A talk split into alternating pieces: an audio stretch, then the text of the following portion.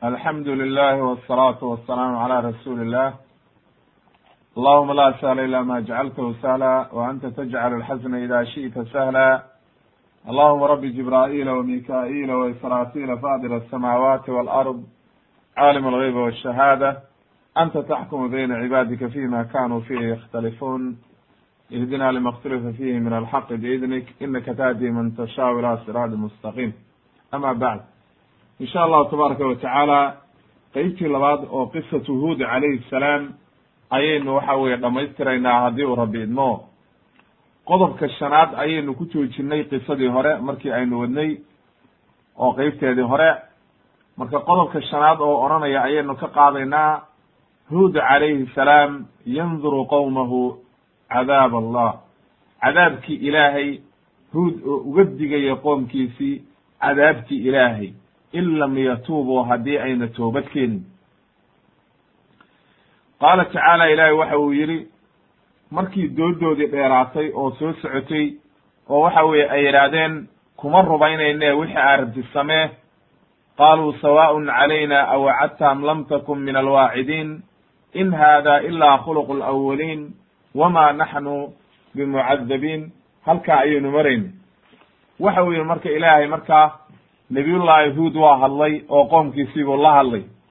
Waxa uu ku yidhi qaala qad waqaca calaykum min rabbikum rijzun wagadab atujaadiluunanii fi asmaa'in samaytumuuha antum wa aabaa'ukum ma nazla allahu biha min suldaan faاntadiruu inii macakum min almuntadiriin macnaha waxau leeyahay ibnu kahiir raximah llah waxa uu leeyahay qad istaxaqtum bihadihi almaqaala ereygii aad dhahdeen oo ahaa sawaaءun calayna awacadta am lam takun min alwaacidiin. Macnaha waa isuukaayo mid haddii aad nawaanisid iyo haddaadan nawaanin wax na gelaya oo maskaxdayda gelaya ma jiraan wax aan qaadanaynana ma jiraan ereygaa waxaad ku kasbateen rijzun ay arrijzu inay maaragtay ilaahay idii carooday oo cadaab idinku soo rigo oo waxa weeye laydi ciqaabo gadab ilaahay oo caro ilaahay idii carooday iyo waxa weeye cadaabtii ilaahay oo idi xumaysa oo waxa weeye idi halaagtay inay idii timaado. Ma waxaad aad caaridaysaan oo diidaysaan oo waxa weeye aad ka hor imaanaysaan cibaadadii ilaahay miyaad diidaysaan? Ilaahay keliya caabuda ayaan ida idhi ma taa ayaad diidaysaan?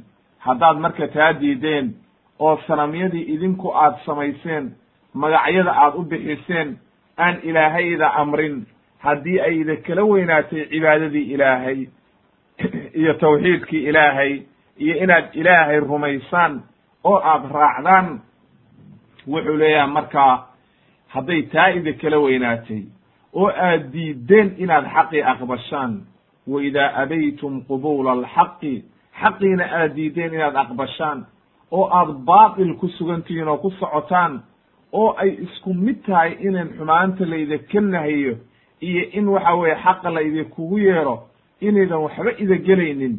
Faاntadiru lana marka haddaba hadda suga marka cadaab allah.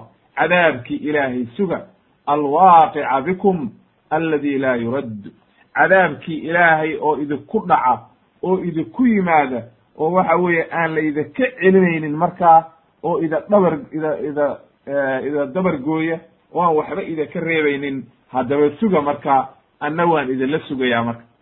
Markaasuu ilaahay baryey oo wuxuu yidhi qaala rabbi insurnii bima kadabuun waxaynu nihi rasuul walba markii ay qoomkiisu beeniyaan oo waxa weeye uu dacwadii meel walba intuu ka mara ka quusto oo waxba ay ka yeeli waayaan ayuu ilaahigii subxaana qaadirka ahaa marka uu baryaa lianna adducaa'a huwa alcibaada ilaahay buu baryaa oo waxa uu yidhaahdaa ilaahu waad u jeedaa qoomkan.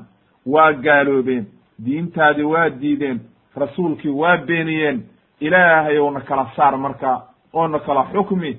Oo wixii aad ku rumeeyey iyo anigaba inta ku rumaysay iyo anigana na badbaadi ilaahu intaan kalena waxa weeye baabi'i oo waxba ha ka reebin.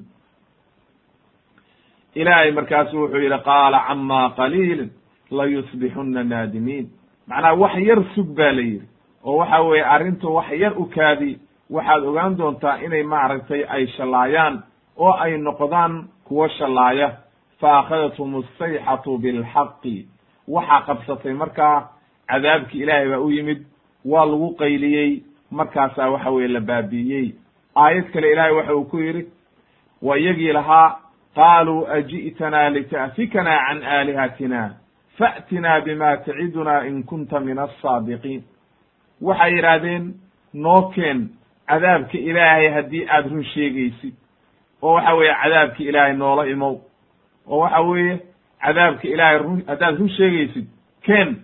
Qaala inama alcilmu cinda allah.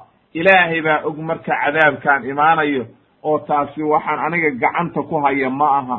Marka halkaa waxaad ka garanaysaa nebi kasta iyo rusushii oo dhan waxa ay leeyahay mid walba qoomkiisii ku leeyahay aniga cilmi geyb ma ogi gacanta kuma haya cadaab laakiin taa ilaahay baa awoodaa waa arrin ilaahay uu iska leeyahay oo arrinaa anigu leeyahay ma aha. Laakiin haddii aad saan ku sii jirtaan oo waxa weeye aad ku sii socotaan cada dhibaatadan hadda markaa cadaabkii waa idinku imaanayaa ilaahayna waa idin halaagaya wuxuu yidhi aniga wax ka wixii layla soo diray un baan maaragtay idin soo gaarsiinayaa ee wax kaloo aan awoodo ma jirto. Haddaba marka meelo badan buu ilaahay kaga hadlay. Waatuu ilaahay lahaa falamaa ra'owhu caaridan mustaqbila awdiyatihim qaaluu hada caaridun mumdiruna. Marka cadaabtii ilaahay markay arkeen oo waxa weeye ay is yidhaahdeen iyagii waxay moodayaan in roob loo soo diray oo cirkiisa soo xiray oo daruur jiqisa soo siisay marka aayadahaasi waxay ka hadlayaan qeybtii dambe oo caadkii caadu thaniya qeybta labaad oo caad ayay ka hadlayaan gadaal baynu ku caddaynaynaa. Ayaa markaa waxay yidhahdeen roob baa maanta noo da'aya oo waxa weye way bishaaraysteen. Markaasa ilaahay wuxuu ugu jawaabay bal huwa caaridun mumdiruna. Markay yidhahdeen hada caaridun mumdiruna ayaa ilahay wuxuu yidhi bal huwa ma stacjaltum bih riixun fiiha cadaabun aliim. Tudamiru kula shayin biamri rabbiha faasbaxuu laa yuraa ila masaakinuhum kadalika najzi alqowma almujrimiin ilaahay waxa uu yidhi markay bishaaraysteen ayaa waxaa lagu yidhi oo yidhahdeen roob baa noo daaya ayaa la yidhi bal waxa weeye wixii aad degdegsateen weye waa halaagii iyo waxa weeye ciqaabtii aad nebi nebi yahuud ka dalbanayseen oo aad lahaydeen cadaabta noo keen weeye ee waxa weeye roob meesha ma yaallo wey wax walbana way baabiinaysaa oo waxa weeye wax walba way dabar goynaysaa dabayl waxa weeye wax walba dabar goysa dadka gaaladaa oo dhanna ilaahay saasuu u dabargoynaya waqad dakara allahu khabara ihlaakihim fi gayri ma aayatin ka qowlihi tacaala aayado badan buu ilaahay ku sheegay dhabargoyntoodii iyo in la dabar tiray oo aan waxba laga reebin. Ilahay wuxuu yidhi faanjaynaahu waladiina macahu biraxmatin mina waqatacnaa daabira aladina kadabuu biaayaatina wama kanuu mu'miniin fi suurati acraaf ilahay wuxuu yidhi waxaan badbaadinay nabiyullahi huud calayhi salaam iyo waxa weye intii rumaysay waan badbaadinay waxaanan dabar goynay oo baabi'inay in alla intii gaalowday oo aan ilaahay rumaynin aayad kale ilahay waxa uu ku yidhi walama jaa'a amruna najaynaa huudan markii arrinkaygii yimid oo xukumkii ilaahay ku sugnaaday in qoomkan la dhabar la dabar tiro oo la baabi'iyo ilaahay waxa uu yidhi waan badbaadinay nabiyullahi huud iyo intii rumaysay. Oo mu'miniinta leannahu meesha waxaa waxa lagu badbaadaya waa aliimaan asaxiix walcamal asaalix iimaan iyo camal saalixa ayaa lagu badbaadaya. Ee lagu badbaadi mayo wax kale. Ilaahay marka waxa uu yidhi waanu badbaadinay oo cadaab adag baan ka badbaadinay. Wa tilka caadun jaxaduu biaayaati rabbihim taasi waxay ahayd laga sheekeeyey reer caad oo aayadihii ilaahay beeniyey oo waxa weeye gaaloobay oo waxa weeye rusushii ilaahay beeniyey oo raacay dadkii dhaalimiintaa oo jabbaariinta ayay raaceen. Markaasaa ilaahay nacladay adduunkii oo waxa weye ciqaabtiisii ku soo dejiyey aakhirana waxa weeye cadaab adag ayay geli doonaa aayad kale ilahay wuxuu ku yidhi fakadabuuhu faahlaknaahum fii suurati shucaraa ku khatimay way beeniyeen nebigii calayhi salaatu wasalaam huod way beeniyeen. Markaas ayaanu halaagnay iyagii oo dhan waxa weeye waxa aanu ka badbaadinay intii mu'miniinta ahayd waa laga badbaadiyey iyagina waa la halaagay. Ilahay wuxuu yidhi ina fi dalika la aaya. Wama kana aktaruhum mu'miniin. Bal halkaa waxaa ku sugan marka aayad lagu waansamo oo lagu cibro qaato oo waxa weeye lagaga digtoonaado wax alla wixii xumaana markaa layska eego oo waxa weeye laga digtoonaado laakiin inta rumaynaysa waa yar yihiin oo dad yar ayaa ku cibro qaadanaya oo rumaynaya. Marka qodobkaa waxaynu ka soo qaadanaynaa nabiyullaahi huud calayhi salaam inuu uga digay qoomkiisii markay cadaabtii inuu uga digay. Oo yidhi war haddii aad saan ku sii socotaan oo gaalnimada noocaana aad ku sii socotaan cadaabkii ilaahay ayaa idinku imaanaya oo ida baabiinaya cadaabkii ilaahay baa imaanaya. Ee waxa weeye waxaan iska daaya oo ilaahay ka baqa oo waxa weeye ka joogsada waxaan. Ayuu maaragtay ku yiri oo waxa weeye uu uga digay. Waxaan tafsiilinaynaa marka qodobka lixaad oo aan ku tafsiilinayno ku kala saarayno bal kayfiyadii cadaabka iyo habkii waxa weeye loo halaagay. Tafsiilu lkhabar fi halaaki caad wa nuzuulu niqmati bihim iyada oo ay ku soo degtay cadaabkii iyo habkii loo halaagay ayaynu halkan ku kala saaraynaa waxa uu yidhi ibnu kahiir raximahullah waxa uu yidhi wa ama tafsiilu halaakihim fakama qaala tacaala falama ra'whu caarida mustaqbila awdiyatihim qaluu hada caaridu mumdiruna bal huwa ma stacjaltum bihi riixun fiiha cadaabun aliim. Waxa uu leeyahay ibnu kahiir raximahullah kaana hada awala ma btadaahum wixii lagu bilaabay waxay ahayd markii ugu horreeyey in waxa weeye ay abaari ku dhacday oo waxa weeye roobkii laga joojiyey oo waxa weeye abaar adag baa ku dhacday. Markay abaartii ku dhacday ayay markaa waxay dalbadeen roob doon bay sameeyeen oo waxa weeye roob bay dalbadeen. Markaasaa daruurtii cirkaysa soo xirtay markaasay waxay u maleeyeen suqya raxmatin. Macnaha waxay u maleeyeen roob da'aya oo waxa weye waa bishaaraysteen. Fa idaa huwa suqya cadaab waxaaba markaa uu noqday cadaab waxa weeye roob cadaaba oo loo keenay ayuu noqdayba. Sidaa daraaddeed ayuu ilaahay wuxuu yidhi bal huwa ma istacjaltum bihi riixun fiiha cadaabun aliim.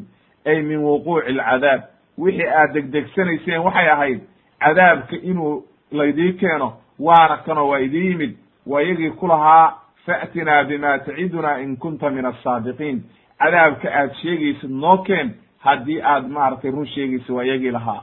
Markaasaa cadaabki u yimid oo waxaa la yidhi dhedhemiya wakaase waa kii aad degdegsanayseen qaala alimaamu maxamed ibnu isxaaq ibnu yasaar waxa uu leeyahay falamaa abow markay diideen ila alkufra billah. Markay diideen gaalnimo maahe wax kale oo ay gaalnimadii ku adkaysteen ayaa amsaka canhum. Waxaa laga joojiyey markaa oo ilaahay ka joojiyey roobkii. Saddex sano oo xiriira oo abaara ayaa dabada la isugu qabtay oo waxa weeye xiriira ayaa maaragtay ilaahay ku cadaabay abaar adag baa ku dhacday buyi markii ay arkeen marka roobkii oo waxa weye jir soo xiray ayay bishaaraysteen leanno abaar adag bay joogeen. Dadku marka markay abaar adag joogaan oo waxa weeye abaare dhacdo oo xoolihii dhammaadaan oo roob la'aan dhacdo oo marka ay arkaan cirkii oo soo curtay oo waxa weeye daruura isa soo xireen way bishaaraysanayaan waa la farxaya waxa ay leeyihiin markaa roob baa noo yimid waxa weye aad iyo aad bay u farxayaan waa bini aadmigo dhanna waa nooca oo waxa weye mar walba oo abaare ay taagan tahay dadkii waxa weeye dhib baa ku dhacaysa mashaakil baa la kulmaya way naxayaan. Laakiin mar alla markii ay arkaan roobkii oo soo curtay oo waxa weeye yimid ayay markaa bishaaraysanayaan oo farxayaan wey oo waxay yidhahdeen hada caaridu mumdiruna waxa weeye waa roob noo yimid oo waxa weeye na na waraabinaya. Markaasaa ilaahay ugu jawaabo wuxuu yidhi bal huwa ma istacjaltum bihi riixun fiiha cadaabun aliim waa kii aad degdegsanayseen waa cadaabkii aad lahaydeen fa'tinaa bicadaabi illahi in kunta min asaadiqiin ama fa'tinaa bima taciduna in kunta min asaadiqiin noo keen waxa aad noogu goodiyeysid huudow waxa weeye oo uu lahaa war aniga gacanta kuma haya cadaabka ilaah baa haya. Haddii uu doonana wuu idii keenin hadduu doonana waxa weeye isagaa garanaya waktiga uu imaanayo markaasu waxa weeye wax walbana ay baabi'isay oo eber ka dhig. Wuxuu yidhi ibnu kahiir raximahullah qowluhu tacaala tudamiru kula shayin biamri rabbiha. Ay tuhliku waxay halaagaysaa wax walba oo la amray way baabi'inaysaa. Fasakharaha allahu calayhim sabca layaalin wa thamaaniyata ayaamin siduu ilaahay u yidhi aayad kale sakharahaa calayhim sabca layaalin wa thamaaniyata ayaamin xusuuma fatara alqowma fiiha fatara alqowma fiiha sarca kaannahum acjaasu naklin khaawiya siduu ilaahay aayaddaa ugu caddeeyey ayay waxay haysatay sabca layaalin toddoba hameen iyo sideed maalmood ayay iskaga daba noqonaysay oo cadaabtii ku socotay oo waxa weeye ciqaabtii ku socotay dabayl iyo waxa weye wixii lagu cadaabay ay baabi'iso iyagii oo dhan marka halkaa waxa weeye ilaahay daqiiqad buu iyagoo dhan ku baabi'in karay oo waxa weye uu ku baabi'iyey laakiin waxaa looga dhigayaa ciqaab iyo waxa weye cadaabkii baa lagu adkaynayaa toddoba hameen ee waxa weeye toddoba hameen oo joogtaa iyo sideed maalmood bay haysatay.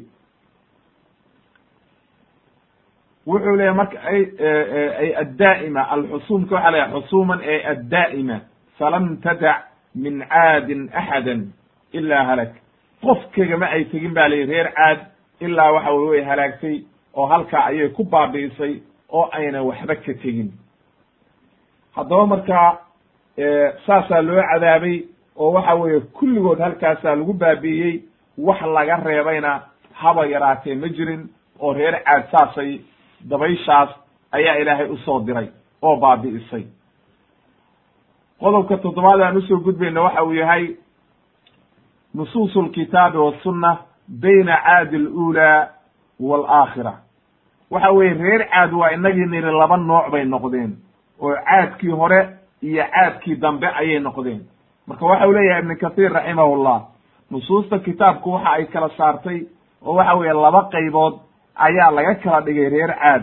Haddaba marka habka loo kala fahmayo oo laba qaybood looga dhigayo ayaynu halkan ku tafsiilinayna ibn kahiir wuxuu yihi raximahullah waqad yakunu hada siyaaq liihlaaki caadi alaakhira aayadahan aynu hadda soo sharaxnay oo ahaa falama ra'awhu caaridan m caaridan mustaqbila awdiyatihim aayadahaas fi suurati alaxqaaf waxay ka hadlaysaa oo waxa weeye siyaaqeeda aada moodaa in ay tahay maaragtay caadkii dambe inay tahay leanno waxaa ku jirtay baa la yidhi caad qisadeeda markii laga sheekeeyey sida xadiis inoo imaan doona dikru maka oo maka ayaa ku dhex jirtay oo waxa weeye la sheegay inay maaragtay maka tageen markay roob doonta samaynayeen makana lama dhisin ilaa bacda ibraahim ibraahim baa dhisay oo waxa weeye goor dambay ahayd markii waxa weye nabiyullahi ibraahim uu isxaaq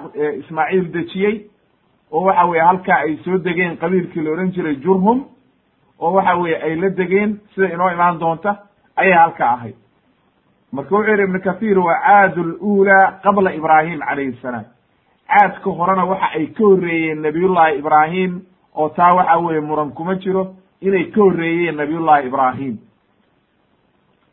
Waxaa kaloo markaa soo aroortay in qoomkii hore oo caadul ulaa in lagu halaagay sidii ilaahay uu yidhi wa amaa caadun fa uhlikuu biriixin sarsarin caatiya ay macnaha in lagu halaagay dabayl waxa weeye albaarida qabow alcaatiyatu ashadiidatu alhubuub waxa weeye aad iyo aad waxa weeye codkeeda iyo qaylada ka dhacaysa aad u adag tahay oo iyagoo dhan baabiinaysa oo eber ka dhigaysa in lagu halaagay. Ilaahayna uu yidhi sakharahaa calayhim sabca layaalin wa thamaaniyata ayaamin xusuuma. Toddoba hameen iyo sideed maalmood inay haysatay. Marka ciqaabta waxaa lagu kala saarayaa buu leeyahay ibnu kathiir arrinta noocaasa oo dabayshaa oo waxa weeye aad iyo aad u baabi'isay oo iyagiio dhan halaagtay oo toddoba hameen iyo sideed maalmood haysatay waa caadul uulaa weeye oo waa caadkii hore. Amaa roobka kuwa lagu halaagay oo waxa weeye falamaa rawahu caarida mustaqbila awdiyatihim waa caadkii dambe oo qeybtii dambe weeye buu leeyahay. Marka wuxuu leeyahay ibnu kathiir raximahullah waxa ay ku bilaabatay ba la yidhi qowluhu tacaala markuu ka hadlayo sakharaha calayhim sabca layaalin wa thamaaniyata ayaamin xusuuma. Waxay ku bilaabatay ba la yidhi macnaha xusuumku wuxuu yidhi waa mutataabicaatin toddobaha toddoba hamayn iyo sideed maalmood oo isdaba jooga oo dhammaystiran baa lagu halaagay waxa uu leeyahay waxay bilaabatay ba la yidhi yowm aljumuca maalin jumca ayaa lagu bilaabay. Arbicana waa la yidhi waa lagu bilaabay. Oo waxa weeye ilaa iyo maaragtay sideedii maalmoodoo dambe ayay haysatay markaa marka jumcihii haddii laga bilaabo ilaa iyo waxa weeye ka jumce ka jumce ayay haysatay oo baabi'isay. Haddii arbacadii laga bilaabana ilaa iyo arbacadii dambe ayay haysatay oo waxa weeye baabi'isay ama qowluhu tacaala fatara alqowma fiiha sarca kaannahum acjaasu naklin khaawiya ay macnaha markay mid walba baabi'isay waxaad moodaa annahum laa ru'uusa laha inayna wax madaxyadii inay ka gurtay sida masalan timirta markii geedka jiridda laga gooyo oo jiriddii intay meesha ku harto laamihii o dhan la jaro oo waxa weeye wax uu noqdo maaragtay aan wax madaxaba lahayn sidaasoo kale ayaa laga dhigay waxayna tahay buu yidhi ibnu kathiir raximahullah waxa u imaanaysay dabayshii qofka kor bay u qaadaysaa. Markay kor u qaado ayay dhulka ku soo dhufanaysaa. Markaasay waxa weeye madaxiina xagga ku dhacaya isagiina waxa weye intii kalena xagga ku dhacaysa.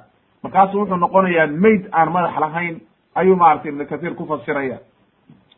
Waxa uu ilaahay yidhi haddana inaa arsalnaa calayhim riixan sarsaran fii yowmi naxsin mustamir tanzicu nnaasa kaanahum acjaazu naklin munqacir ay mustamirun cadaabahu calayhim macnaha ibnu kathiir waxa uu leeyahay dadka qaar baa waxay yidhahdeen yowma naxsi maalinta la yidhaahdo oo waxa weye fii yowmi naxsin maalin maalin waxa weeye dee dhibaato ah oo waxa weeye mashaakila oo waxa weeye cadaab joogto ah ayaanu maalintaa uga dhignay buu yidhi ilaahay qaar baa waxay yidhahdeen waa maalinta arbacada oo waxa weye dad badan baa waxay baasaysteen oo waxa weye maalinta arbacada khalad ka fahmay oo waxay yidhahdeen sideedaba maalinta arbacadu waa maalin mashaakila oo waxa weye mashaakil badan baa ka yimaada. Sidaa daraaddeed marka waa maalin waxa weye baasaysteen oo waxa weye way dhibaataysteen wuxuu yidhi marka kalaamkaasi waa khada buu yidhi oo waa kalaam aan saxiix ahayn. Leannahu waxa weeye haddii la yidhaahdo yowmu naxsin hadda ilaahay maalmihii kaleba waxa uu yidhi fa arsalnaa calayhim riixan sarsaran fii ayaamin naxisaatin maalmihii oo dhan marka inaad baasaysatid bay noqonaysaa ee ma ahe macnuhu waxa weeye saxiixa iyaga ayay maalin xun u ahayd oo maalin dhibaatale u ahayde waxa weeye dadkoo dhan uma aha maalmaha caadiga ayna ka mid tahay wax farqiga oo udhexeeyana ma jiraan sidaa daraaddeed caqiidada xun oo dadku ka qaateen oo ah in maalinta arbacada la baasaysto waa arrin baatila wey soomaalideennuna waynu baasaysanaa oo waa tin la yidhaahdo gabadha arbaco dhalata ama bisha arbaco ugu dambaysa dhalata lama guursado oo waxa weye raggu uma joogsadaan ilaa saddex nin ka dhimato. Arbaco lama aroosay yidhahdaan oo reerka lama dhiso. Waxaasoo dhan waa baasaysi iyo baatil weeye oo waxa weye aan saxiix ahayn. Wuxuu yidhi marka ibnu kahiir raximahullah kama qaala tacaala wa fii caadin ida arsalna calayhim ariixa alcaqiim ay macnaha iyaga ayay waxay u ahayd maalin dhabar goysay oo waxa weeye baabi'isay oo caqiim ah oo waxa weeye dabayl waxaa loo diray waxa weeye iyadoo dhan laa khayra fiiha. Ay wax khayra ayna ka imaanaynin leannahu dabayshu asalkeeda waxay keentaa wanaag. Roobka ayay soo kaxaysaa dawraha isku keentaa. Markaasay marka kalena hawo wanaagsan baa ka timaada laakiin markii ay tahay caqiim oo wax khayra ayna lahayn. Hadda dadkii bay dabar tiraysaa oo way baabiinaysaa oo waxa weye iyagoo dhan bay halaagaysaa oo wax khayra male wey marka riix alcaqiim noocaasa la yidhahdaa aan wax khayra lahayn. Wax walbana way baabiinaysaa leannahu ilaahay baa amroho waxa uu yidhi maa tadaru min shayin atad calayhi ilaa jacalatu karami wax ay ka tegaysa ma jirto shay alla shaygay u timaado oo ilaahay amray intay baabi'iso ayay waxay ka dhigaysaa gam oo waxa weeye wax buda ah oo baaba'ay bay ka dhigaysaa. Ay ka shay ilbaali macnaha shay duuga oo baaba'ay camal ayay ka dhigaysaa. Wa qaala nabiyu sala allahu alayh wasalam nebiga xadiis baa ka sugnaaday uu yidhi nusirtu waxa aniga la iigu gargaaray bisaba ay macnaha dabayshii cabsida oo waxa weeye dadka cabsi gelinaysay oo waxa weeye waatay sugnaatay inuu yidhi masiirata shahri macnaha cadowgaygi ayaa waxay iga baqayaan bil meesha loo socdo. Oo waxa weeye dabayshaasaa intay qaado cabsi gelinaysa. Reer caadna waxaa lagu halaagay buu yidhi nebigu bidabuur wa uhlikat caadun bidabuur macnaha dabayshii dhabar tir dabagoynaysay oo baabiinaysay ayaa lagu halaagay. Rawahu albukhaari iyo muslim baa wariyay xadiidkii cabdullahi ibni ibn cabaas radi allahu can canhuma wuxuu yidhi ibn kathir wa ama qowluhu tacaala wadkur akhaa caadin id andara qowmahu bilaxqaaf wqad khalat الnuduru min bayni yadayhi wa min khalfihi anlaa tacbuduu ila allah inii akhaafu calaykum cadaaba yowmin cadiim.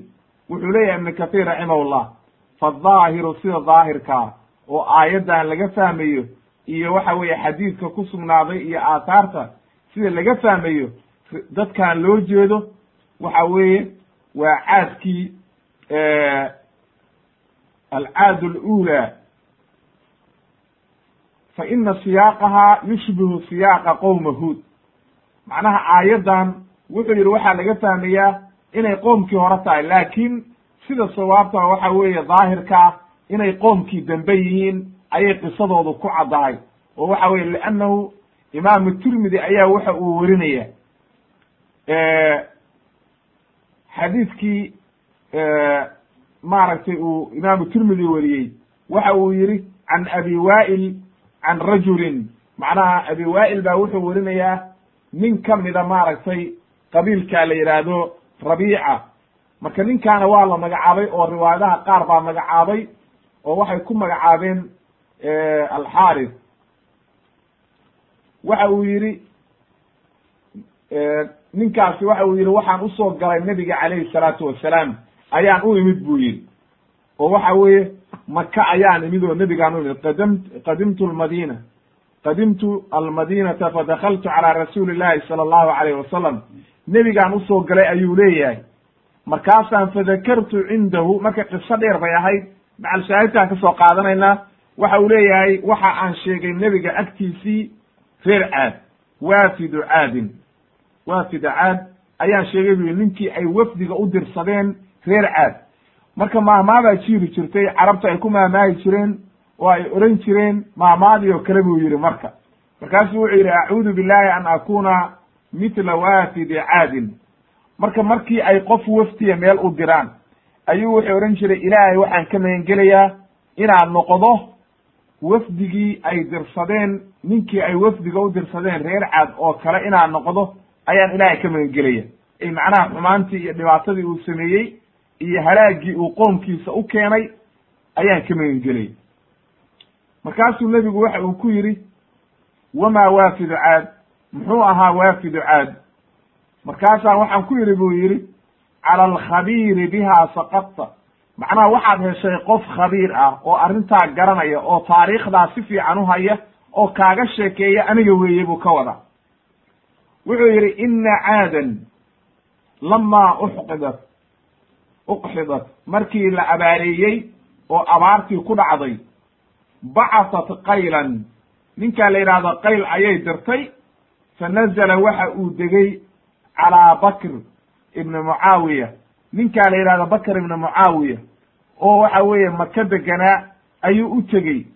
Fasaqaahu alkhamra khamri buu ka dherjiyey wa gannatahu waxa uu u sameeyey laba gabdhood oo waxa weeye fanaaniina oo naagihii xumxumaaya aljaraadataani ay macnaha aad iyo aad u heesi jiray oo macruuf ahaa oo la yaqiinay ayuu maaragtay oo macruuf ahaa ayuu waxa weeye u geeyey oo waxa uu ku yidhi maaragtay heesa oo waxa weye ninkan u heesa oo waxa weye si fiican ugu heesa marka waxa uu leeyahay maaragtay ay ku fasirayaan culummadu sida maaragtay mubaarak furi iyo waxay leeyihiin aljaraadataani ay laba gabdhood oo waxay ahaayeen macruufa oo fanaaniina oo waxa weeye maka ka heesi jiray oo waxa weeye naagihii xumxumaa oo waxa weeye qurunka ahayo waxa weeye heesi jiray bay ahaayeen ayaa la leeyahay macruuf bay ahaayeen.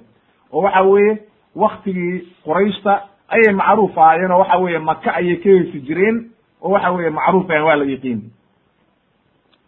uma kharaja wuu soo baxay oo markuu masalan muddahayey oo ninkii uu la joogay bakar ibni mucaawiya uu soo dhoweeyey oo uu bil dhan halkaa khamrigii siinayey waa ninkii wafdiga loo soo diray oo dadkii markay abaaraysteen la yidhi orod roobdoon oo waxa weeye roob noo raadiyo ilaahay roob nooga soo bari inta maka tagti ninkii noocaa marka loo soo diray oo waxa weye arrintaa lala soo diray intuu iska fadhiistay marka ayuu ninkaa intuu iska ag fadhiistay khamri iska cabayaa laba naagoodna waa u heesayaan qoomkiisiina waa ilaaway abaartii iyo dhibaatadii haysay iyo mashaakilkii haystay wuu ilaawey marka.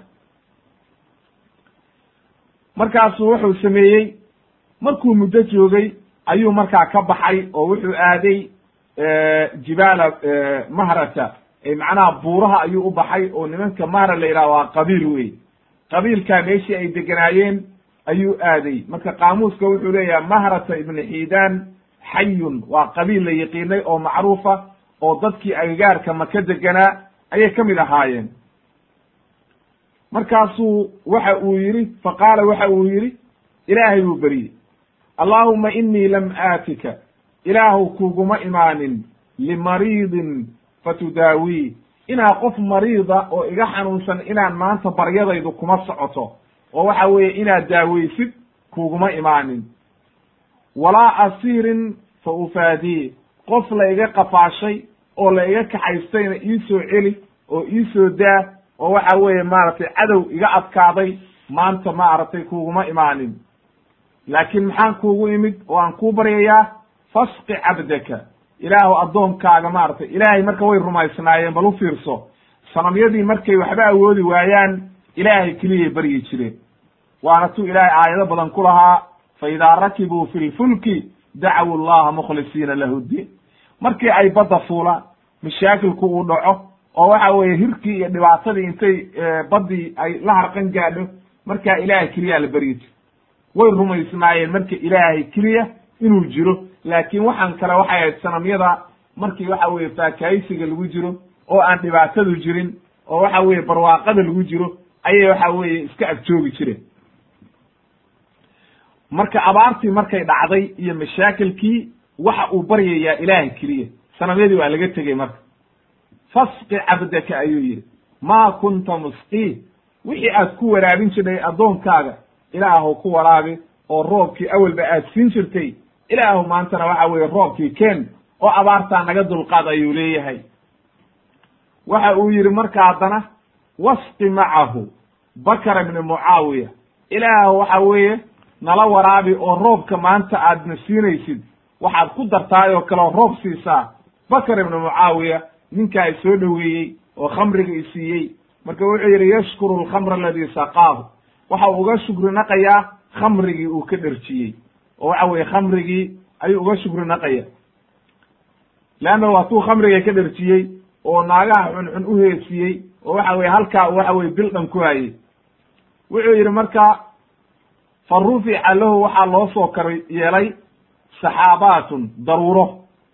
Daruuro laba sa laba daruurood oo waaweyn ayaa loo keenay. Markaasaa waxaa la yidhi dooro ikhtar ixdaahunna. Labadaa bu daruurood mid dooro fakhtaara asawdaaa minhun. Waxa uu doortay tii aad u madoobay.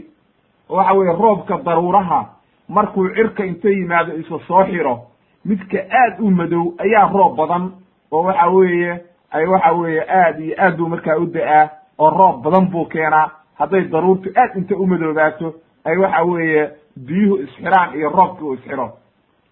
Tii marka madoobeyd oo islahaasanaa roob badan buu doortay markaasaa waxaa lagu yidhi khudhaa qaado ramaadan rimdaadan laa tadaru min caadin axadan.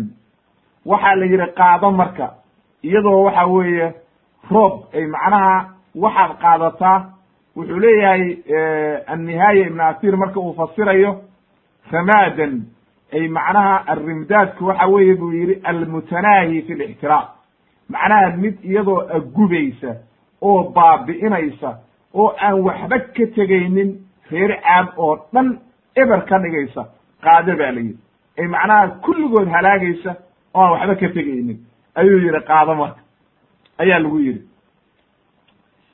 Markaasuu waxa weeye soo qaatay marka oo waxa weeye dabayshiibuu ula yimid roobkiibuu la soo dul istaagay. Markay arkeen marka roobkii ayay markaa waxay yidhaahdeen sidii ilaahay aayadda qur'aankaa ku sheegay markaa waxay yidhaahdeen maaragtay markay roobkii arkeen falamaa rawahu caarida mustaqbila awdiyatihim qaaluu hada caaridu mumdiruna bal huwa ma stacjaltum bihi riixun fiiha cadaab ali baa lagu yidhi. Marka markay roobkii arkeen oo soo dul istaagay ayay farxeen markaa oo waxay yidhahdeen allayla abaartiiba maantana laka dulqaadaya oo roob baa noo yimid. Wadakara wuxuu sheegay buu yihi nabiga calayhi salaatu wasalaam annahu lam yursal calayhi min alriixi ila qadra hadihi alxalaqa yacni alkhaat khaatamka oo kale fargashiga oo kale marka nebigu markuu ninkii dhegaystay oo waxa weeye ayuu u qiray kuma uu inkirin markaasuu wuxuu yidhi dabayshii loo diray oo waxa weye reer caad lagu halaagayna waxay ahayd wax yar oo waxa weeye sidaa maaragtay fargashiga inta daloolkiisa oo kale dabayl intaa leeg oo kalea loo diray oo iyagoo dhan halaagtay oo saa u gashay. Markaasuu nebigu wuxuu akriyey wa fii caadin ida arsalnaa calayhim ariixa alcaqiim. Ma tadru min shayin atad calayh ila jacalatu karamiin waxa weeye aayadda ayuu akriyey nebiga calayh salaatu wasalaam marka imaamu tirmidi ayaa xadiidkan wariyey. Wuxuu leeyahay imaamu tirmidi raximahullah. Waxa uu yidhi ninka la qariyey oo la yidhi maaragtay can rajulin meesha laga yidhi waa'il uu yidhi waa alxaaris ibnu xasaan ayaa la yidhaahdaa qaarna waxay yidhahdeen alxaaris ibnu yaziid ayaa la yidhaahdaa oo qabiilkaasuu ka mid ahaa xadiidka markaa xasanahu sheekh alalbani raximahullah fi sunan tirmidi ayuu xasan kaga dhigay saddex kun iyo laba boqol toddobaatan iyo saddex ayuu maaragtay xasan kaga dhigay imaamu mubaarak furi marka uu sharaxayo waxa uu leeyahay qowluhu waganatahu aljaraadataani humaa muganiyataani kaanataa bimaka fi zamani alawal mashhuurataani bixusni asawti walghina waxay ahaayeen labadaa naagood laba naagoodoo la yiqiinay oo macruuf ahaa oo maka ka heesi jiray marka halkaa waxaa ka sugnaatay marka o aad ka garanaysaa caadkaa dambe oo roobka lagu halaagay inay ahaayeen caadkii dambe oo waxa weeye maka way dhisnayd markaa oo magaalay ahayd oo dad baa joogay oo waxa weeye bacda ibraahim inay ahayd ayaa halkaa marka ka caddaatay. Leanno wafdiga waxay u soo dirsadeen inuu waxa weeye uu maka tago oo waxa weeye kacbada uu tago ilaahay uu soo baryo marka intaas ayuu maaragtay ku soo gebagabeeyey ibnu kathiir waxa uu leeyahay marka arrimahaasi waxay kutusayaan marka in ay maaragtay caad laba nooc noqdeen oo laba jeer in la halaagay reer caad markii horena in lagu halaagay dabayl waxa weeye biriixin sarsarin. In lagu halaagay riix waxa weeye toddoba beri toddoba habeen iyo siddeed maalmood haysatay. In caadkii hore oo huud loo diray noocaasaa lagu halaagay. Amaa qeybtan dambe oo odhanaysa wadkur akhaa caadin. Qeybtaa dambe waxaa lagu halaagay oo axqaaf deganaa oo waxa weeye qeybtii dambe oo maka ay dhisnayd waxa weeye nabiyullahi ibraahim waa ka dambeeyeen oo goor dambay ahaayeen. Laakiin waxaa dhici karta qeybtii muslimtay oo waxa weeye nabiyullaahi huud rumaysay oo reer caad ahayd. Inay sii tarmeen oo waxa weye markaa kabacdi ay haddana dib dadkii u gaaloobeen oo waxa weye gaala ka dhalatay oo markaa waxa weye ay dib u tarmeen. Kabacdi markaa dib loo halaagay iyagiina. Markii ilaahay uu diray waxa weeye walaalkood oo waxa weye nebi kale ahaa laakiin aan magaciisii la sheegin. Oo waxa weye iyagana saa loo halaagay. Waxaa laga wariyey marka caaisha radi allahu canha waxa ay leedahay. Kaana rasuulu llahi sala allahu alayh wasalam rasuulki ilaahay. Haddii uu arko haddii ay dabayshu roobku marka uu dabaysha intuu keeno mar walba oo roobku da'ayo waa aragtay waxaa ka horraysa dabayl baa ka soo horraysa. Oo waxa weeye dabayl baa ka soo horraysa markaa kutusaysa saxan saxada la yidhaahdo oo waxa weeye roobka iyo kutusaysa inuu roobki soo socdo. Hadduu arko nebiga calayhi salaatu wasalaam haddayba dabaylba uu arkaba. Ama markaa roob ha noqoto ama yay noqone wuxuu odhan jiray allahuma innii as'aluka khayraha. Khayrkeedaan ku weydiisanaya. Wa khayra maa fiiha. Wixii khayr oo ku jirana waa ku weydiisanaya. Wa khayra maa ursilat bihi. Wixii khayr oo lala soo dirayna waa ku weydiisanaya. Leanna dabaysha ilaahay baa soo diray oo waxa weeye waa wax ilaahay soo diray weye waa makhluuq ilaahay amar ilahay bay ku socotaa. Wuxuu odhan jiray marka nebigu waxaan ku weydiisanayaa khayrkeeda iyo wixii khayr oo ku dhex jira iyo wixii khayr oo lala soo diray. Waxaanan kaa magan gelayaa sharkeeda iyo wixii sharoo ku dhex jira iyo wixii sharoo lala soo diray. Markaasay waxay tihi caaisha radia allahu canha waxay tihi wa idaa takhayalat isamaa'u haddii uu marka roobkii isa soo xidho oo ay masalan noqoto cirkii inuu da'ayo oo kale tagayara lownuhu wa kharaja wa dakhala wa aqbala wa adbar. Haddii uu arko roobkii isa soo xiray dabaylo iyo roob yimid nebiga calayhi salaatu wasalaam wejigiisa waxaa laga dareemi jiray cabsi wejigiisaa bedelmi jiray guriguu soo geli jiray wuu bixi jiray oo banaanka u bixi jiray hadba wuu fiirin jiray sidii qof cabsanaya oo kale fa idaa amdarat haddii ay marka cirkii do-o oo waxa weeye roobkii uu yimaado oo waxa weye ay dhammaato suriya canhu wuu firxi jiray markaa caradii iyo wixii iyo waxa weeye cabsidii baa ka bigi jirtay markaasuu farxi jiray caaisha ayaa garatay marka arrintii way weydiisay nebiga calayhi salaatu wasalaam bay weydiisay markaasuu wuxuu ku yidhi macnaha waxay ku tiri rasuulka ilaahi o dadku markay roob arkaan way farxaan oo waxa weeye way bishaaraystaan adigana waxa weeye markaad roobkii iyo dabaylihii iyo aragti waa naxdaa maxaa jira? Wuxuu yidhi marka nebigu calayhi salaatu wasalaam lacalahu ya caaisha waxaa dhici karta inuu noqdo kamaa qaala qowmu huud qowmu caadin reer caad sidii ay u yidhaahdeen falamaa ra'owhu caarida mustaqbila awdiyatihim qaaluu hada caaridu mumdiruna waxaa dhici karta inuu waxaana cadaab yahay roobkaan isa soo xiray inta uuna di'in ma garan kartid adiga inuu roob yahay iyo inuu cadaab yahay. Marka waxaa dhici karta cadaab inuu noqdo sidaa daraaddeed waa in laga cabsado oo waxa weye qofkii marka wuu cabsanaya. Marka dabaylahan iyo roobkan isa soo xiray waxaa dhici karta inuu cadaab yahay oo waxa weeye siday reer caad u yidhaahdeen markay roobkii iyo dabayshii ay arkeen ay yidhahdeen roob baa maanta na waraabinaya. Oo waxa weeye roob baan helaynaa. Markaa lagu yidhi bal huwa ma stacjaltum wixii aad degdegsateen weye cadaabtii aad degdegsateen weye oo waxa weeye dabayl baa ku jirta. Cadaab waxa weye wax walba halaagaysa. Imaamu albukhaari ayaa weriyey iyo waxa weeye imaamu muslim labaduba waa weriyeen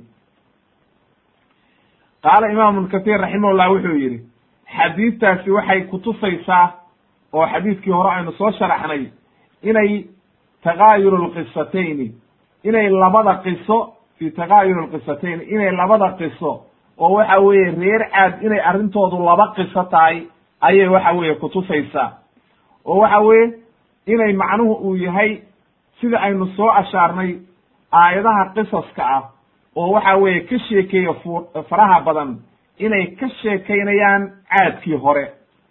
Amaa caadkii dambe aayadahan fi suurati alaxqaaf oo waxa weeye wadkur akhaa caadin iyo axaadiistaas soo aroodhay oo imaamu tirmidi uu wariyey inay axaadiistaas iyo aayadaha fi suurati alaxqaaf caadkii dambe ayay ka sheekaynayaan. Waxay noqonaysaa buu yidhi marka aayadaha ku soo arooray qisatu fi suurati alaxqaaf iyo axaadiistani oo roobka ka sheekaynaya iyo roobka lagu halaagay inay tahay oo waxa weeye dabayshaa lagu halaagay roobka inta la tusay inay tahay maaragtay caadkii dambe. Amaa aayadaha inta kale oo baqiyatu siyaaqaati fi lqur'aan aayadaha kale oo dhan oo mar walba ilaahay ku bilaabayo maaragtay wailaa caadin akhaahum huuda fi suurati alacraaf fi suurati maaragtay huud. Maaragtay kulli uu kaga sheekeeyey shucaraa aayadaha qisaska dheer oo aynu soo sharaxnay waxa ay ka sheekaynaysaa buu yidhi markaa caadkii hore oo waxa weeye nabiyullaahi huud loo diray oo ka horreeyey nabiyullaahi ibraahim.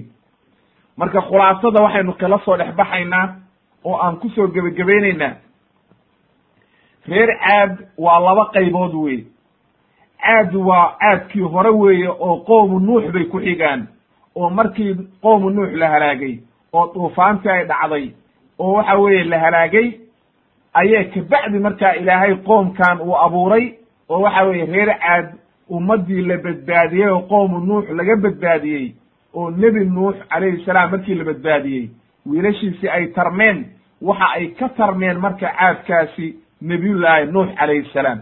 Waxay u dhexeeyaan marka nuux iyo ibraahim calayhi salaam.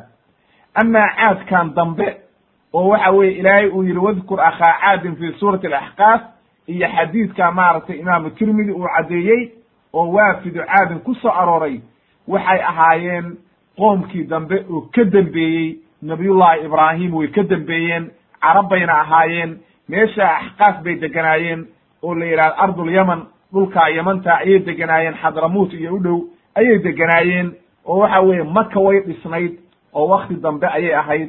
Ayuu maaragtay saas u kala saarayaa imaam ibnu kathiir raximahullah uu waxa weeye ku gebagabaynaya oo u kala saaraya. Calaa kulli xaal intaasoo dhan marka waxaa inooga caddaatay labadaa qoomba in la halaagay. Markay ilaahay beeniyeen oo qoomkii horena ay nebiyullahi huud beeniyeen. Qoomkii dambena ay beeniyeen nebigii loo diray oo walaalkood ahaa. Laakiin aan magaciisi lainoo sheegin waxa weye markaa in la halaagay. Marka waxaan ku kala saaraynaa qoomkii hore waxaa lagu halaagay biriixin sarsarin caatiya dabayl waxa weeye qabow badan oo waxa weeye dhibaataysay oo haysatay toddoba hamayn iyo siddeed maalmood oo aan waxba ka tegin kaannahaa naklun khaawiya maaragtay naklu acjaasin khaawi. Macnaha aad moodid waxay ka dhigtay ina maaragtay sida geedaha timirtoo kale markii laga jaro baarka oo la afgembiyo oo waxa weye salka inta laga gooyo wax afgembisan waana tu ibnu kathiir yihi kor baa inta loo qaado oo dabayshu kor u qaado mid walba. Ayay madax madax u soo ridaysay markaasaa madaxuna xagga ku dhacayey jirka inta kalena xagga ku dhacaysay waxay noqonayeen mayd aan madax lahayn ayaa loo kala tuuray. Waxayna haysatay ciqaabtaasi toddoba hamayn iyo siddeed maalmood. Nebiyullaahi huud baana loo diray qoomkaa saasaana lagu halaagay. Ilaahayna wuxuu inoo sheegay nebiyullaahi huud iyo intii rumaysay ilaahay inuu ka badbaadiyey oo waxa weye ilahay uu ka badbaadiyey. Amaa qoomkan dambe marka goor dambay abuurmeen. Laakiin taariikhda laynoo kuma sheegin iyo waktigay abuurmeen iyo waxa weeye waktigay ahaayeen. Laakiin ilaahay wuxuu yidhi wadkur akhaa caadin. Reer caad ninkii walaalkood ahaa markuu u digay way beeniyeen wayna gaaloobeen. Marka waxa weye iyagana kayfiyadda lagu halaagay waxa weeye iyagu ko horta marka maka waa ka dambeeye oo nabiyullahi ibraahim waa ka dambeeye kayfiyada iyo habka loo halaagayna waxa weeye abaar baa ku dhacday abaartii markay ku dhacday oo la abaareeyey ayay roob doon samaysteen ilaahay bay baryeen markaasaa roob loo keenay. Roob bay marka moodayaan daruurihii isa soo xiray ayay roob moodeen laakiin roob ma ahayne waxay ahayd cadaab. Ilaahay waa tuu yidhi maaragtay maaragtay riixun fiiha cadaabun alim wey bal huwa ma stacjaltum wixii aad degdegsateen wey marka waxa weeye qoomkaas saasaa loo halaagay waana ka dambeeyeen nabiyullahi ibraahim calayhi salaam. Marka saasaynu u kala qaadaynaa qisatu huod oo waxa weye in saa loo fahmo oo waxa weye laba nooc laga dhigo ayay maaragtay culummadu ku caddeeyeen sida imaam ibnu kathir raximahullah uu inoo caddeeyey maaragtay raximahullah. Marka halkaa ayaynu marka qisatu huod calayhi salaam aynu ku soo gebagabaynaynaa waxaynu kaloo ka qaadanaynaa marka oo waxa weye muhiima axaadiista nabiga calayhi salatu salaam inoo caddeeyey in markii aad roobka aragtid dabaylaha aragtid inaad ilaahay ka magangeshid wixii dhibaato ah wixii wanaagana ilaahay aad weydiisatid ayaa maaragtay muhiim jiddana oo loo baahan yahay inuuna qofku mar walba is oran oo ku farxin oo mar walba is oran waa khayr wey wixii aad aragtidba inay khayr yihiin ha u malaynin waxaa dhici karta inay cadaab ilaahay soo diray ay tahay oo waxa weye la isku cadaabayo ayaa dhici karta. Marka sidaa daraaddeed ayaa la rabaa qofku inuu mar walba ilaahay ka magan galo waxa weeye dabaysha iyo roobka. Markuu arko khayrkana inuu weydiisto sharkana ilaahay ka magan galo. In la caayona ma banaano oo waxa weeye in waxa weeye dabaysha la caayo nebigu waa nahiyey. Oo waxa weeye dabayl haddii aad aragtaan buu yihi nebigu ha caayinina hana nacladinina waxna ha ka sheeginina ilaahay baa soo amray. Waxa weye waa makhluuq ilaahay ee wixii wanaaga oo ku dhex jira ilaahay weydiista. Marka aadaabtaasuu ina amray nebigu oo ina baray in la yidhaahdo allahuma inii as'aluka khayraha. Waxaan ku weydiisanayaa khayrkeeda. Wa khayra maa fiiha. Wixii khayr oo ku dhex jira. Wa khayra maa ursilat bihi. Iyo wixii khayr oo lala soo diray. Waxaan kaa magan gelayaa sharaha wa acuudu bika min shariha sharkeedaan kaa magan gelaya wa shari maa fiiha iyo wixii sharoo ku dhex jira. Wa shari maa ursilat bihi iyo wixii shara oo lala soo diray. Ayaan kaa magan gelayaa inuu yidhaahdo. Ayaa inaynu dhahno ayaa loo baahan yahay oo nebigu ina baray xadiidkaas saxiixa saasuuna nebigu samayn jiray oo ilaahay uga magangeli jiray. Marka waa in saa la sameeyo ee waxa weye in la caayo ma banaano oo waa xaaraam weye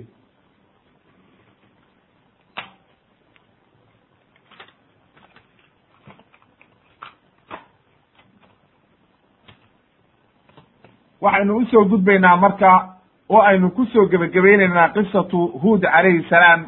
Intaa ayay ku dhamaatay oan ku soo gebagabaynaynaa waxaa ugu dambaysiinaynaa marka fawaa'idda laga qaadanayo ayaynu halkaan qeyb ka sheegaynaa. Marka ilaahay wuxuu inoo caddeeyey faa'idada koowaad ugu horreysa.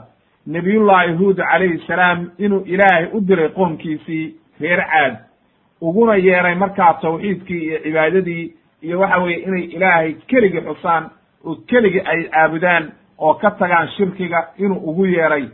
Ay sanamyadana ay isaga tagaan wuxuu kaloo ilaahay inooga caddeeyey oo inoo caddaatay anna dacwata arusul waaxida inay rususha dacwadoodu hal mid tahay oo isku mid tahay oo waxa weeye ay kulligood dadka ugu yeerayaan ila tawxiid. Tawxiid bay ugu yeerayaan dadka. Iyagu wax kale rusushu dadka uguma yeeraan tawxiid unbay dadka ugu yeeraan iyo waxa weeye cibaado saxiixa oo waxa weeye kulligood waa isku mid weye nebi nuux laga soo bilaabo ilaa iyo waxa weeye nebi nebi maxamed lagu khatimay.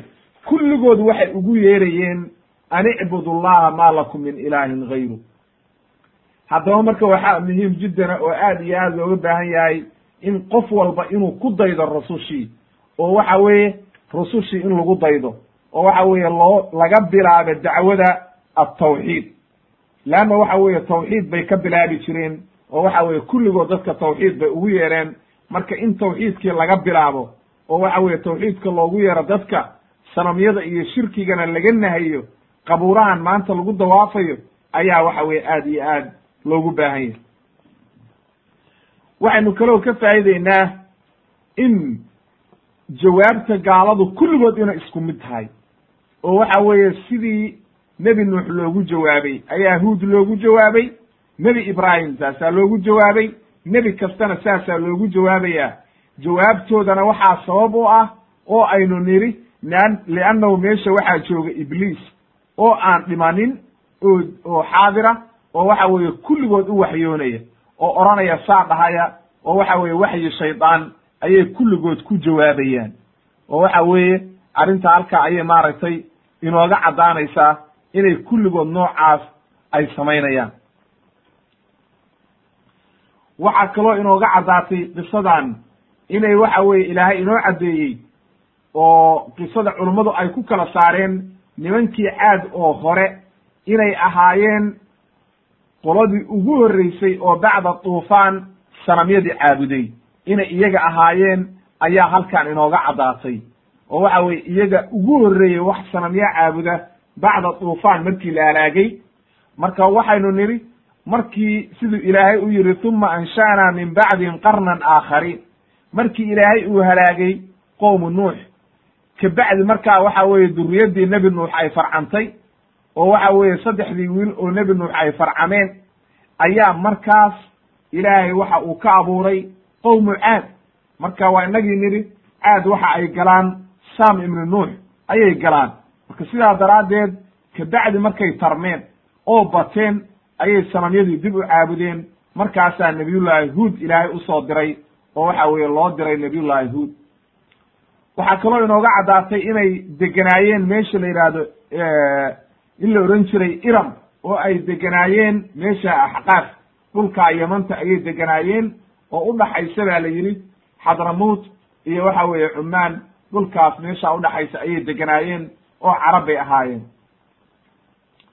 waxaa inooga caddaatay qisadan sidoo kale inay carabtu laba nooc u qeybsanto oo carabtu ay laba nooc yihiin.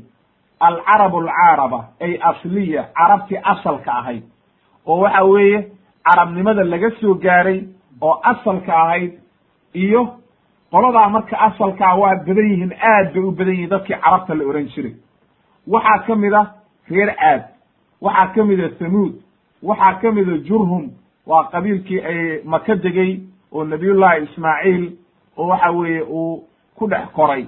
Medyan baa ka mid a oo nebiyullaahi shucayb loo diray. Qaxdaan baa ka mida waa qabiilkan macruufka ah hadda yamanta degan iyo sacuudiga iyo oo macruuf reer qaxdaan la yidhaahdo intaas iyo ka badanba waxay ahaayeen carabta ayay ahaayeen. Ama waxa weeye intaasoo dhan waxay ahaayeen qabla ismaaciil calayhi salaam. Marka nebiyullaahi ibraahim dadkaa waa ka horreeyeen. Iyo ismaaciil oo waxa weeye dadkaasi qabiilooyin caadiya oo nuux ka farcamay oo waxa weye halkaa degan ayay ahaayeen oo sam ibnu nuux ayay ku wada abtirsadaan wa ama alcarabu almustacraba carabta dambe marka oo la carabeeyey waxa weeye min waladi ismaaciil calayhi salaam. Waa duriyaddii nebi ismaaciil calayhi salaam nimankaa ayaa la yidhaahdaa alcarabu almustacraba. Carabtii la carabeeyey oo dambe. Marka carabtan maanta macruufkaa oo la yaqaano oo waxa weeye quraysh iyo waxa weeye sacuudiga iyo degan oo carabta loo yaqaan oo waxa weye nebigu ka dhashay calayhi salaatu wasalaam waxay ahaayeen carabtaa la carabeeyey oo waxa weeye ku dhex koray carabtii. Nimankii asalka carabta la ohan jiray ku dhex koray ayay ahaayeen oo nabiyullahi ismaaciil baa ka guursaday qabiilkii la ohan jiray jurhum markaasay saa ugu farcameen waxay inooga caddaatay qisadan sidoo kale. Nabiyullahi huud calayhi salaam markii ilaahay uu u diray qoomkiisii cibaadadiina uu amray inuu duruqu dacwa isticmaalay ayaa inoo caddaatay. Wuxuu isticmaalay waxa uu aad iyo aad u jeclaysiiyey. Ragabahum fi daacati illah daacadii ilaahay ayuu jeclaysiiyey iyo tawxiidkii iyo tooba inay ilaahay u toobad keenaan wuxuu u ballan qaaday hadday ilaahay u toobad keenaan oo waxa weeye ilaahay ay caabudaan oo shirkigan iska daayaan inay janno gelayaan ilaahay adduunka u raaxaynayo aakhirana uu janno geynayo. Haddaba waxaa la rabaa qofku markuu daaci noqonayo oo dadkii dacwo ugu yeerayo inuu isticmaalo bidariiqati atarhiibi waatargiib tarhiibka waa cabsigelin weeye. Tarkiibkuna waa jeclaysiin weeye. Inaad marna qofka wixii jeclaysiisid oo jannada iyo wanaagga yaalla iyo naxariista taalla aad uga sheekaysid iyo nicmada iyo jannada wanaagga si qofka naftiisa u jeclaato oo uu markaa waxa weeye is iraado allele jannadaa u shaqayso. Marna aad uga sheekaysid cabsida ciqaabta mashaakilka yaalla aakhiro inaad uga sheekaysid oo waxa weye markaa si uga cararo oo uga cabsado oo waxa weeye uu u yidhaahdo allele ciqaabtaa ka digtoonow si ayna kuugu dhicin saas ayaa la rabaa in la isticmaalo dariiqadii ambiyada weeye oo ay isticmaali jireen. Leanno wuu aad buu uga digay oo wuxuu yidhi haddii aad khilaaftaan oo waxa weeye shirki aad samaysaan ooydan ilaahay rumaynin haddee ciqaab baa idinku dhacaysa aakhiro iyo adduunba halaag baa idinku dhacaya. Waxa markay beeniyeenna oo intaasoo dhan ay beeniyeen oo ay istihzaa ku sameeyeen oo ay ku gaaloobeenna ciqaabtii ilaahay oo uga digayey ayaa ku timid. Maxaa marka sabab u ahaa dadkaani inay gaaloobaan oo waxa weeye sanamyada ay caabudaan? Waxaa sabab u ahayd taqliid alaabaa walajdaad mafsadada iyo dhibaatada ay leedahay baad ka garanaysaa marka taqliid alaabaa walajdaad aabbayaashood ayay deliishadeen oo waxay yidhahdeen annagu aabbayaashaya wixii aan ka soo gaarnay waxaan ahayn oo aan yeelayno oo aan aqbalayna ma jiraan oo waxa weye saasaan ku soconaynaa. Waxaa kaloo inooga caddaatay oo qisadan aynu ka faa'iideynaa inay inkireen bacthi bacthigii inay inkireen.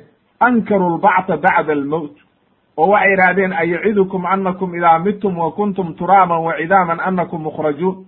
Hayhaata hayhaata lima tuucaduun. Waxay inkireen oo qoomkaani waxay ahaayeen qoom inkiray in aakhira la isu soo noolaynayo oo waxay yidhaahdeen annaga mar haddaan dhimanno wax nolol dambe oo nala soo noolaynayo ma jirto wey. oo waxa weeye nolol dambe meeshii ma taallo oo ma nala soo noolaynayo ayay dheheen halkaa marka waxaanu ka garannay inay waxa weeye qoomkaani qoom halaagsamay oo waxa weeye inkiray bacsigii iyo aakhiro inay ahaayeen ayaynu halkaa ka garannay marka dadka marka maanta inkirayana waa qowlkaa ay dadkaa ka soo qaateen. Sidaasoo kale ayay mushrikiintii meel walba iyo wakti walba oo ay joogaan iyo zaman kasta oo ay joogaanna saasay u inkirayaan in waxa weeye aakhira la is soo noolaynayo sababtu waxa weeye hadduu qofku uu aamino inaan aakhire la isa soo noolaynaynin hadda ilaahay ka cabsan mayo. Leannahu wuxuu leeyahy mar haddaan dhinto oo god la geliyey hadda waktigaygii waa dhammaaday. Intaan marka adduunka joogo oo waxa weeye aan noolahay ayaan adduunka ka raaxaysanayaa oo wax alla waxaan samayn kara samaynayaa macsi iyo wax uu kala jecel yahay ma jirto. Shaydaan baa marka noocaa u waxyoonaya oo odhanaya saasaa wanaagsan ee saas samee oo waxa weeye wataa arrinta wanaagsan. Oo waxa weeye isaga ayaa u waxyoonaya. Waxaa inooga caddaatay marka sidoo kale haddana qisadan waxaynu ka faa'ideynaa inooga caddaatay ilaahay rasuushii uu soo diray oo waxa weeye bashar inay wada ahaayeen oo waxa weeye aan la soo dirin rasuul ma aragtay ka duwan dadka. Leanno ilaahay waxa uu yidhi wama manaca annaasa an yu'minuu id ja'ahum alhudaa an yu'minuu id ja'ahum alhudaa ila an qaaluu abacata allahu basharan rasuula. Marka sababta dhan oo dadka keenaysay inay nebiyadii ku gaaloobaan waxay deliishanayeen oo sabab u ahayd oo ay inkirayeen oo ka celinaysay inay yidhaahdeen see annaga qof bashara naloo ku soo diri kara. Hadduu ilaahay doonayo inaanu rumayno oo waxa weye ay diin saxa ay tahay maa la soo diro maaragtay malaa'ig oo malaa'ig maana loo soo diro. Marka waxa weeye waa tuu ilaahay marka caddeeyey oo yidhi haddii ay dhulka ku nool yihiin malaa'ig malaa'ig baan soo diri lahayn. Qul law kaana fi lardi malaa'ikatun yamshuuna mudma'iniina lanazalnaa calayhim min asamaai malakan rasuula meleg ayaa loo soo diri lahaa laakiin dhulkii maadaama ay ku nool yihiin dad oo waxa weye ay dadkii ku dhaqmayaan hadda dadkii dad baa afgaranaya dad baa loo soo dirayaa ilaahayna qofkuu doono u waxyoodaa oo waxa weeye uu u doorto ayuu u waxyoodaa oo ilaahay baa garanaya qofka uu soo dirayo weye waxaynu kaloo ka faa'ideynaa nabiyullahi huud calayhi salaam markii ay beeniyeen qoomkiisii oo ay diideen inay adeecaan oo waxa weeye ay ka dalbadeen cadaabtii ilaahay ayaa markaa uu ilaahay beriyey oo waxa weeye nebi kasta waa noocaa mar alla markay qoomkiisii beeniyaan oo ay yidhaahdaan ayay waxay isugu darayaan inay beeniyaan oo ay ka diidaan inay dhibaan mashaakil oo dhan ku sameeyaan markaasay haddana waxay ka dalbanayaan inay ciqaabtii ilaahay oo aad sheegaysid noo keen ayay odhanayaan. Marka intaasoo dhan markay sameeyeen ayuu ilaahay beryey markaa oo waxa uu ku yidhi qaala rabbi insurnii bima kadabuu ilaah iiga gargaar waxaan ay maaragtay maadaama ay ibeeniyeen ilaah iiga gargaar qoomkan dhaalimiintaa gaaloobay. Ilaahay baa markaa ajiibay fa ahlakahum biriixin sarsarin caatiya markaasaa ilaahay ajiibay oo ducadiisii aqbalay waa la halaagay markaa oo baabah baa ilaahay ka dhigay. Waxaynu kaloo ka faa'ideynaa qisadan ilaahay inuunan xabad kaga tegin. Ahlakahum walam yabqa minhum axadun cala wajhi alard. Ilaa intii rumaysay oo mu'miniintaa mooye intii gaalada ahayd hal mida lagama tegin. Marka nebi kasta oo aynu ka sheekayno waa nooca oo ciqaab qoomkiisii ku timaado nebigii iyo intii rumaysay baa ilaahay badbaadiyaa inti kalena waa baabi'iyaa oo ilaahay baabah buu ka dhigaa gan buu ka dhigaa. Waxaa haddaba marka aad iyo aad u habboon in lagu tadabburo oo lagu waansamo oo qofka muslimkaa oo arrintan aad iyo aad ugu dugtoonaado oo uu iska fiiriyo maxay tahay asbaabta carada ilaahay kuu keenaysa cadaabka ilaahay ku gaarsiinaysa ciqaabta iyo dhibaatada inuu ka digtoonaado ilaahayna u toobad keeno. Oo waxa weeye wax alla wixii khalad oo aad samaysay ilahay inaad uga toobad keentid akhilmuslim oo waktilmuslima wax alla wixii waxa weeye aad markaana ku dadaashid inaad ilaahay caabudid oo dariiqiisii aamartid. Waxaa kaloo habboon oo aad iyo aad u muhiima inuu qofku ogaado liman araada an takuna lahu nasiibun min addacwa. Qofkii doonaya inuu dacwada ka qayb qaato an yajcala dacwatahu khaalisatan lilah walaa yas'ala annaasa shay-an qofkii doonaya inuu dadkii dacwo gaarsiiyo oo wanaag uu dadkii amro waa inuu dacwadiisa khaalisan lilahi ka dhiga waa inuuna xoola dadkii ka qaadan. Waa inuuna waxba weydiisan. Oo uu yidhaahdaa aniga dacwadaydu ilaahay darti weeye. Ilaahay baan ajar iyo wanaag ka dalbayaa. Ilaahay baan ka doonayaa. Agtiisa wanaagayaal baan rabaa. Idinka waxaan idinka rabo. Oo ma jiraan oo xoolaa oo waxba idinka dooni mayo. Waa inuu yidhaahdo weeye oo arrintaa ku dadaalo qofku leanno nebiyadoo dhan noocaasay ahaayeen. Waxaa kaloo haboon wayenbagii calaa kulli man yaqra'a alqur'aan. Qof walba oo qur'aanka akrinaya an yatadabbara inuu ku fekero oo qur'aanka uu dhuuxo oo macnaha qur'aanka uu fahmo oo waxa weye uu markaa ogaado macaanida qur'aanka oo uu eego asbaabta dadka halaagtay marka. Asbaab halaaki lumam inuu eego. War asbaabta halaagtay maxay ahayd laba sabab ayaa asal u ah dadka waxaa halaaga alkufru walmacaasi. Shirki iyo kufri inuu qofku ku dhaco iyo inuu waxa weeye macaasi la yimaado labadaa arrimood oo rusushii intuu beeniyo oo uu gaaloobo iyo waxa weye inuu macaasi isaga dhex jiro labadaa arrimood ayaa dadka halaag sababta dadka halaagta waa labadaa arrimood. Marka qofka qur'aankii bay ka dhex buuxaan oo waxa weye asbaabtii o dhan halaa hala lagu halaagsame waa tan ilaahay mar walba uu dhahayo walaqad yasarna alqur'aana lidikri fahal min muddakir ama aayado kale u odhanayo walaqad taraknaaha fiiha aayatan fahal min muddakir aayado ayaanu kaga tagnay calaamado cadcad oo lagu waansoome wax ku fekeraya ma jiraan. Afalaa yatadabbaruuna alqur'aana waatuu ilaahay aayad kale ku lahaa am calaa quluubin aktaaluha miyayna qur'aankii ku fekeraynin oo ku tadabburaynin oo ku waansamaynin mise quluubtoodaaba daboolan oo waxay kala fahmayaan iyo waxay garanayaanba ma jirto. Ilaahay waxa uu inoo caddeeyey oo kaloo aynu ka faa'ideynaa markuu ilaahay halaagay qoomka oo reer caad la halaagay inuu ilaahay badbaadiyey nabiyullaahi huud iyo waxa weye intii rumaysay oo ilaahay uu yihi walama jaa'a amruna najaynaa huudan waladiina aamanuu macahu biraxmatin mina wanajaynaahum min cadaabin galiid cadaabkii adkaa ayaa ilaahay ka badbaadiyey. Ilaahay markaas uu u naxariistay oo cadaabkii oo dhan wuu ka badbaadiyey. Waxaynu kaloo ka faa'ideynaa inay mashruuc tahay oo bannaan tahay inuu qofku naftiisa uu ka difaaco waxyaalaha tuhmada ah. Leannahu markii ay ku tuhmeen oo yidhahdeen waxaan u malaynaynaa ina caqligaaga wax u dhiman yahay oo aad safiih tahay ama aad beenlow tahay waxa uu yidhi yaa qowmi laysa laysa bi safaahatun walaakinii rasuulu min rabbi alcaalamiin wax safiihnimaa iyo waali iyo caqli xumo iguma sugna uu u caddeeyey waxa uu yahay inuu ilaahay soo diray buu u caddeeyey. Waxaynu kaloo ka faa'ideynaa fadliga ay leedahay annusxu waalamaana meel walba wuxuu leeyahay inii lakum naasixun amiin. Marka halkaa waxaynu ka garanaynaa in dadka loo naseexeeyo maaragtay addiinu nasiixa waatuu nebigu lahaa. Diinta oo dhan waxa weeye dadka in loo naseexeeyo oo wanaagga la gaarsiiyo oo dadka la waaniyo ma aha in qofkii ama la caayo ama dhibaato lagu sameeyo laakin waxa weye waa in dadka loo naseexeeyo ayaa wanaagsan wey marka halkaa waxaan ka garanaynaa fadliga iyo wanaagga ay leedahay. Nebi nuux wuxuu ku yidhi wa ansaxu lakum. Waa idiin naseexaynaya. Nebi huud wuxuu leeyahay inii lakum naasixun amiin. Naasix baan idii ahay aamina oo aan ida khiyaamaynin.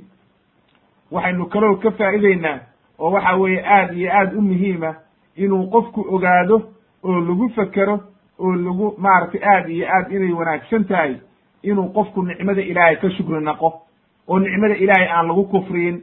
Leanna waxa weye nicmada ilaahay haddaad ka shukri naqdid waxay ku dhaxal siinaysaa in ilaahay ku ku zaa'idiyo. Nicmadeeduna waxa weeye habka looga shukri naqana waxa weeye aliimaanu walcamalu asaalix ilaahay inaad ku shukridid iimaan saxiixa la timaadid camal saalixa samaysid ilaahay u xamdi naqdid ilaahay markaa waa ku badinayaa lain shakartum laaziidannakum waatuu ilaahay lahaa walain kafartum ina cadaabii la shadiid waxaynu kaloo ka faa'ideynaa gaala dadka gaalada ah markay gaalnimadu ka badato oo waxa weeye ay aad iyo aad u gaaloobaan ayay markaa waxay degdegsadaan ciqaabta ilaahay cadaabta ilaahay bay dalbadaan markay gaalnimadii ka badato oo ay arkaan wax doodii lagaga badiyo oo adiladii ilaahay iyo waxa weeye rasuul walba markuu u sheego oo u caddeeyo ayay markaa waxay degdegsadaan ciqaabta oo waxay yidhahdaan ciqaabta noo keen aad sheegaysid. Markii xujadii laga badiyo ayay degdegsadaan markaa markaasay ku caddaataa oo waxa weeye ciqaabtii ay degdegsanayeen ilaahay u keenaa markaa. Waxaynu kaloo ka faa'ideynaa annahyu can ilfasaadi fi lardi in dhulka la fasahaadiyo oo waxa weeye xumaan la sameeyo inay khatar tahay oo halaag ay ku sugnaanayso.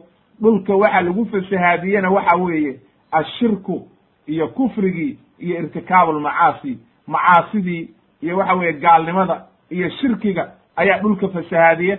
Muslimka oo la laayo dhibaatada la gelaya maanta waxaasoo dhan baa kutusaysa oo waxa weeye markaad qasaskan dhex geshid oo akridid waxaad is leedahay qoom walba wixi ay samayn jireen maanta waxaad moodaa inay soomaalidii o dhan aynu aad ugu dhex jirno ama dadkii islaamkaay o dhan ay samaynayaan ayaad u jeedaa waxaynu kaloo ka faa'iideynaa dadka rususha raaca oo dariiqa xaqaa mar walba ku taagan dadka ducafadaa weye atbaacu rusul waa ducafada weye dadka masaakiinta ayaa iska raacaya rusushii leanna waxa weeye sababta ku kalifaysa waxa weeye iyagu ma haystaan wax ka celiyaba mawaanicba ma taalo ninkan madaxda ah ama waxa weeye odaga ah ama xoolaha haysta ama waxa weeye dadka odaga u ah wuxuu is leeyahay xukumkaaga iyo madaxnimadaada iyo waxa weeye xoolahaaga ayaa lagugu imaanaya. Waatay dhacday markuu nebiga calayhi salaatu wasalaam uu madiine yimid. Cabdullahi ibni ubay ibni salool oo waxa weeye munaafiqii ugu weynaa munaafiqiinta. Waatuu diiday inuu maaragtay munaafiqnimada waa isagii qarsaday. Sababtii ku kaliftay waxay ahayd nebigu intuunan imaan ayay ansaartu waxay rabeen inay u doortaan boqor. Reer madiine oo dhan boqor u ah. Markaasuu xanaaqay. Oo waxa weye uu yidhi anigaa boqornimadaydii laygu haystaa. Markii nebigu yimid baa dadkii islaameen nebigii baa meeshii amiir ka noqday. Markaasaa cuqdad iyo waxa wuxuu qaaday iyo calool xumo iyo waxa weye uu bilaabay inuu markaa xaasidnimo ka shaqeeyo. Haddaba dadka madaxda iyo kuwa xoolaha leh iyo waxa weeye dadka maaragtay isla weyn oo dhan iyo waxa weeye kulli waxaa ka celiyey inay rususha raacaan waxa weeye waxay isleeyihiin xoolihiinna iyo madaxnimadiinna iyo mansabkiina laydaka qaadaya. Amaa ninkan aan waxba haysan isagu mar walba haddii loogu yeero la yidhahdo war jannaad gelaysaa ilaahay ka baq hadi wuxuu leeyahay jannadaan barabaa awalba adduunka waxba kuma haysan. Ilaahay buu maaragtay rumaynaya. Haddii ilaahay uu la maago weeye oo waxa weeye ilaahay uu la maago. Inuu maaragtay rumeeyo oo ilaahay khayr la maago waxaynu kaloo ka faa'ideynaa dadka mushrikiinta ah iyo dadka mubtadiciinta ah oo bidcada samaynaya inay muftaruuna cala allahi alkadib. Inay waxaan ay keenayaan ama bidca ha noqoto ama shirki ha noqotee inay been tahay oo been abuurasho tahay oo ilaahay ku been abuuranayaan. Leannahu mar walba rusushu waxay leeyihiin in antum ilaa muftaruun. Idinka ayaa waxaan ku been abuuranaya ilaahay. Sanamyadan aad samaynaysaan waxaan waxba kama jiraan. Idinkaa la yimid idinkaana ilaahay ku been abuurtaye ilaahay ka boqo waxaan iska daaya. Waxaynu kaloo ka faa'ideynaa wujubu likhlaasi fi ddacwati walcibaada in cibaadada ilaahay loo gaar yeelo oo ikhlaas lala yimaado hadduu qofku daaci noqonayana dadkii markuu dacwada ugu yeerayo inuu khaalisan lilaahi ka tahay oo ilaahay u gaar yeelo oo waxa weye ilaahay darti ay ka tahay inay waajib tahay.